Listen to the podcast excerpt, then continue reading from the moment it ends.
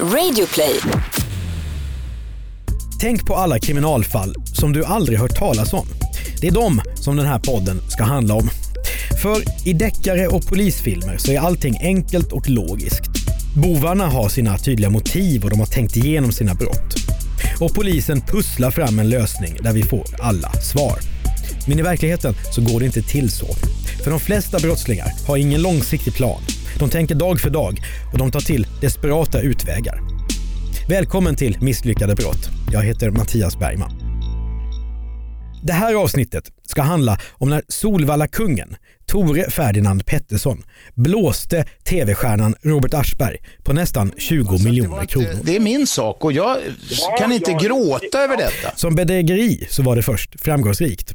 Men det ledde till slut till tragik och krossade drömmar. Med TV3 förändrades svensk TV för alltid.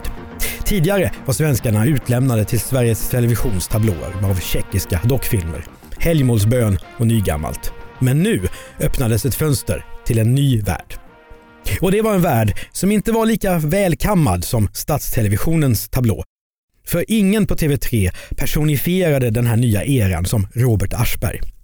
Aschberg var en gammal 70-talskommunist, länge reporter på tidningen Expressen. Men han värvades till TV av TV3s ägare Jan Stenbeck. Där blev Aschberg programledare för numera klassiska tv-program som Diskutabelt, där han rökte, svor och skrek åt gästerna.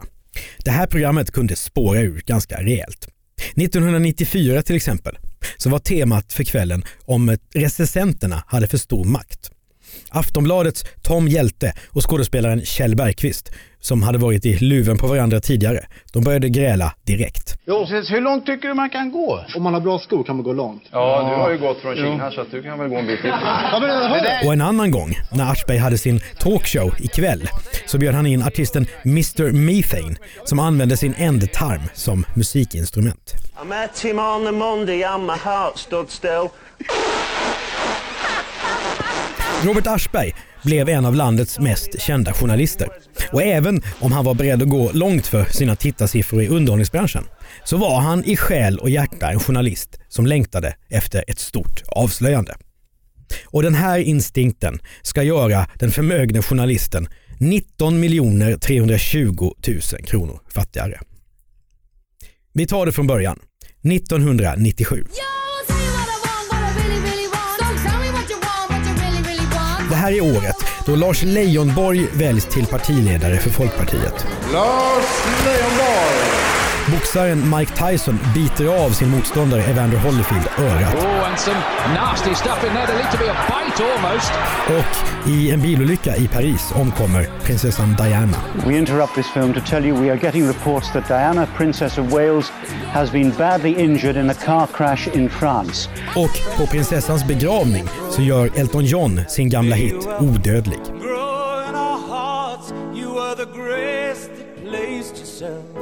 För Robert Aschberg innebär 1997 starten på sju år av dramatik.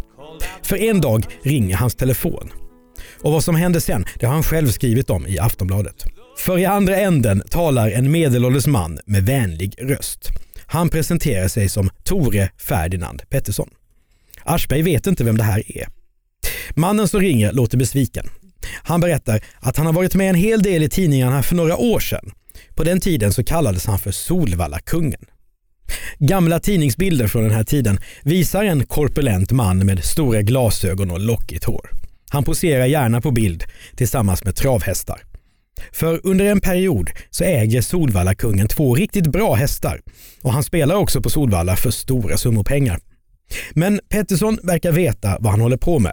Han bor på en av Stockholms finaste adresser och kör runt i Rolls Royce. Men det finns en annan sida hos Tore Ferdinand. Genom åren så döms Pettersson för grovt bedrägeri, grov urkundsförfalskning, stöld, häleri, försök till utpressning och förskingring.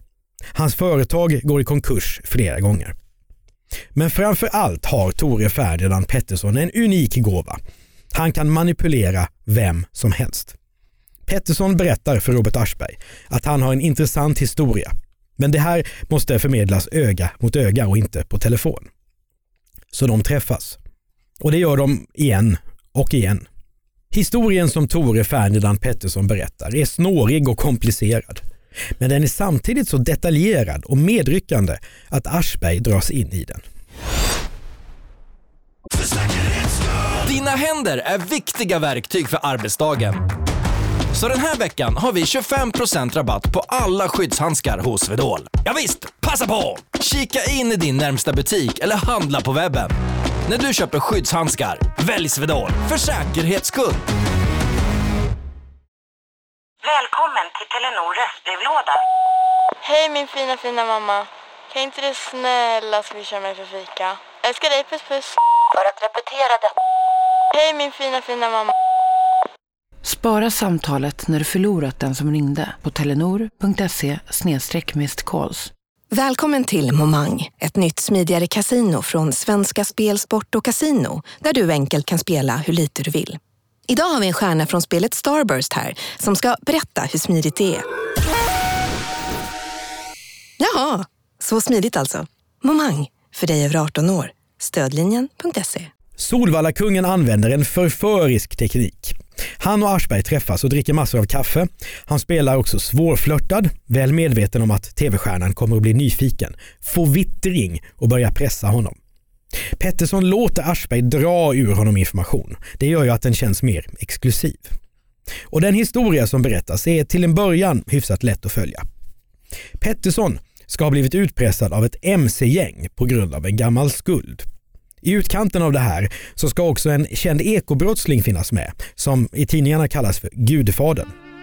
Eftersom Pettersson fruktar för sitt liv så har han anlitat en kriminell person som livvakt. Men sen går de ändå till polisen och där fattas det beslut om att Pettersson måste ha beskydd. Enligt honom själv så får han bo på hotell och placeras sedan i en anonym lägenhet. Men nu börjar Pettersson också samarbeta med polisen. De kriminella kontakterna gör att han får insyn i handeln med falska obligationer. Så nu beskriver sig Tore Ferdinand Pettersson som hemlig agent som ska hjälpa polisen att sätta dit den här gudfadern. Och ju mer han har dragits in i de hemliga operationerna, desto mer insyn får han i det som intresserar Robert Aschberg.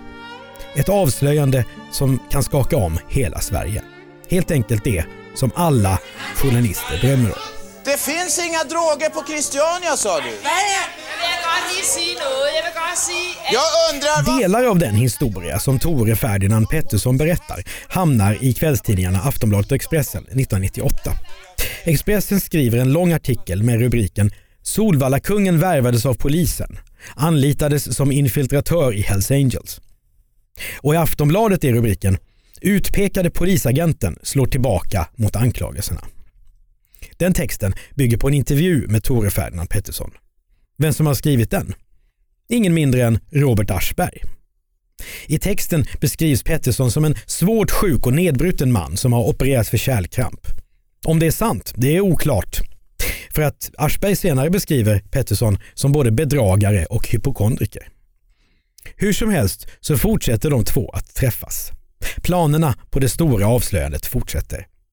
Men för att Tore Ferdinand Pettersson ska kunna skaka fram fler uppgifter till Aschberg så behöver han hjälp av honom. Han behöver pengar. Och tv-stjärnan lånar ut. Flera miljoner.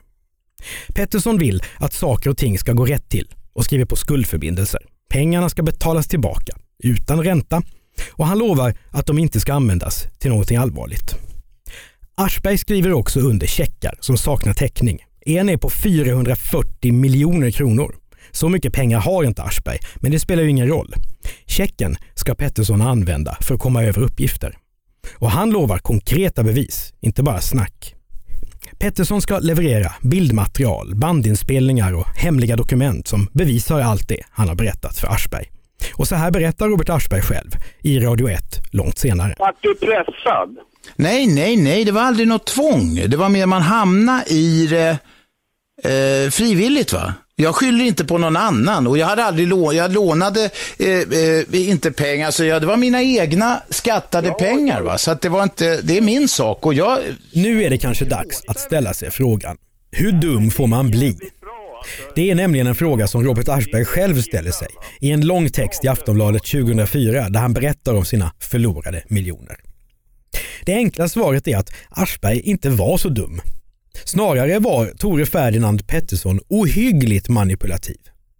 När Aschberg efteråt lyckas pussla ihop vad som har hänt så upptäcker han att Solvalla-kungen har flera parallella bedrägerier igång samtidigt. Och han är hela tiden noga med att hålla sina bekantskaper isär. Däremot ser han till att de, ovetande om varandra, stärker andra bluffar. Ett exempel är att Aschberg vid ett tillfälle luras ut på gatan för att prata med Pettersson. En annan person som Pettersson då håller på att lura väntar i närheten och ser mötet som ett bevis på att Solvalla-kungen har en del av de kontakter som han så gärna skryter med. Tore Ferdinand Pettersson är också en utmärkt skådespelare. Han kan som få andra gråta på beställning. Han kan spela arg och han älskar att vara hemlighetsfull. Vid ett tillfälle när Aschberg ställer honom mot väggen så hävdar han att en närstående har blivit kidnappad. Han ber tv-stjärnan att stanna som stöd. Det hela pågår i timmar och får sedan en lycklig upplösning. När Pettersson får ett telefonsamtal om att allt nu skulle vara över så gråter han glädjetårar. Men alltihop är bara skådespel. Och även på andra sätt så är Tore Ferdinand Pettersson en fantastisk aktör. Han är en mästare på att få tomma ord att låta trovärdiga. Tack vare min oerhörda intelligens kommer det här att fungera. Det är bara jag som kan klara det här. Så kan han säga. Han lyckas också förhala presentationen av de här utlovade bevisen med detaljrika och avancerade förklaringar. Pettersson ser också till att lämna en del material hemma hos Robert Aschberg. En låda med värdepapper är förseglad med polisens emblem och tejp. Innehållet är, enligt Pettersson, så känsligt att polisen bevakar Robert Aschbergs bostad i smyg. Kan det här verkligen stämma?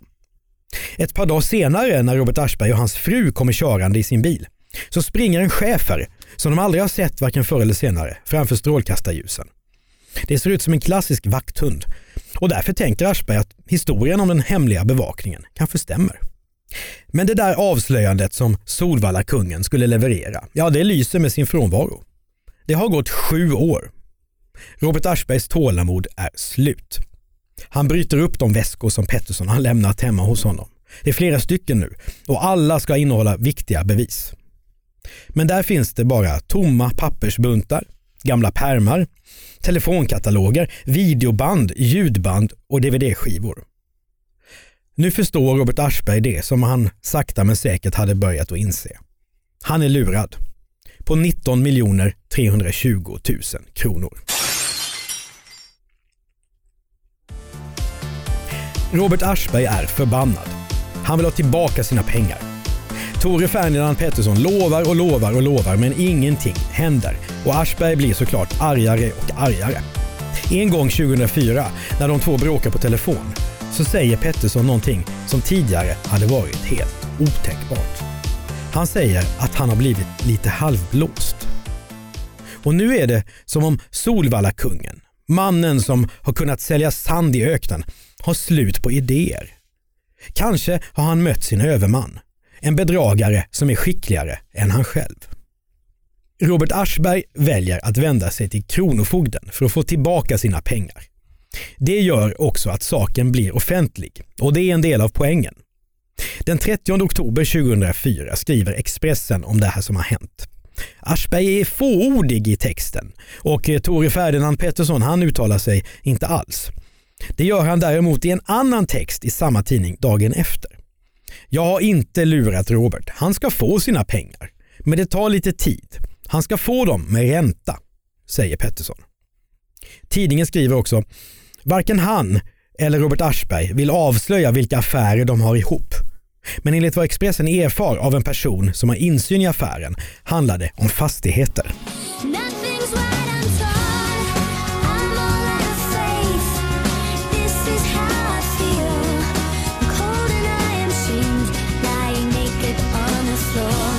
Aschberg får aldrig tillbaka sina pengar.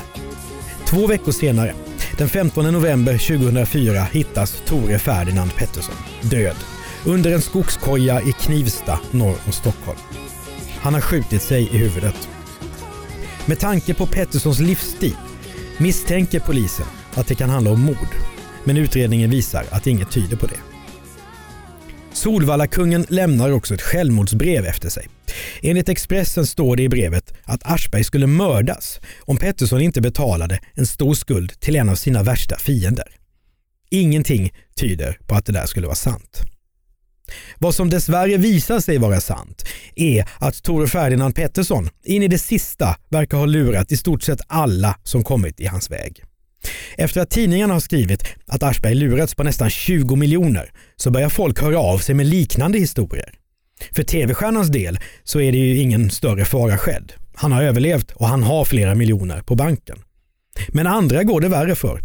En person som driver en närbutik, han blir blåst på hela sitt startkapital. En äldre och förvirrad man har lurats på pensionspengar. En tredje är helt ruinerad. Den stora frågan är förstås vart pengarna har tagit vägen. Ingen vet. Men en person som hör av sig till Robert Aschberg berättar att Pettersson spelade bort 100 000 kronor i månaden under sitt sista halvår i livet. Kanske kunde Solvalla-kungen aldrig riktigt göra sig fri från spelandet. Efteråt får Robert Aschberg också veta att Tore Ferdinand Pettersson dagarna före sin död har träffat en vän och berättat att han inte längre klarar av att leva med skammen. Men det är inte skammen över att han har lurat så många som han menar. Nej, det är skammen att han har blivit omnämnd som bedragare i tidningarna. Eftersom Robert Aschberg har lovat Solvalla kungen att han skulle få vara en anonym källa så gäller det löftet fortfarande enligt lag, trots att Tore Ferdinand Pettersson är död. Därför kan tv-stjärnan inte berätta vad saken handlade om. Så vi kommer aldrig att få veta om Aschberg trodde sig vara på väg att nysta upp en korruptionshärva eller avslöja någon gigantisk konspiration. Eller kanske lösa Palmemordet, ett brott som han själv i många år varit så besatt av. Du har hört Misslyckade brott med mig som heter Mattias Bergman. Producent av podden är Andreas Utterström. Du kan kontakta oss på misslyckadebrott bplus.se.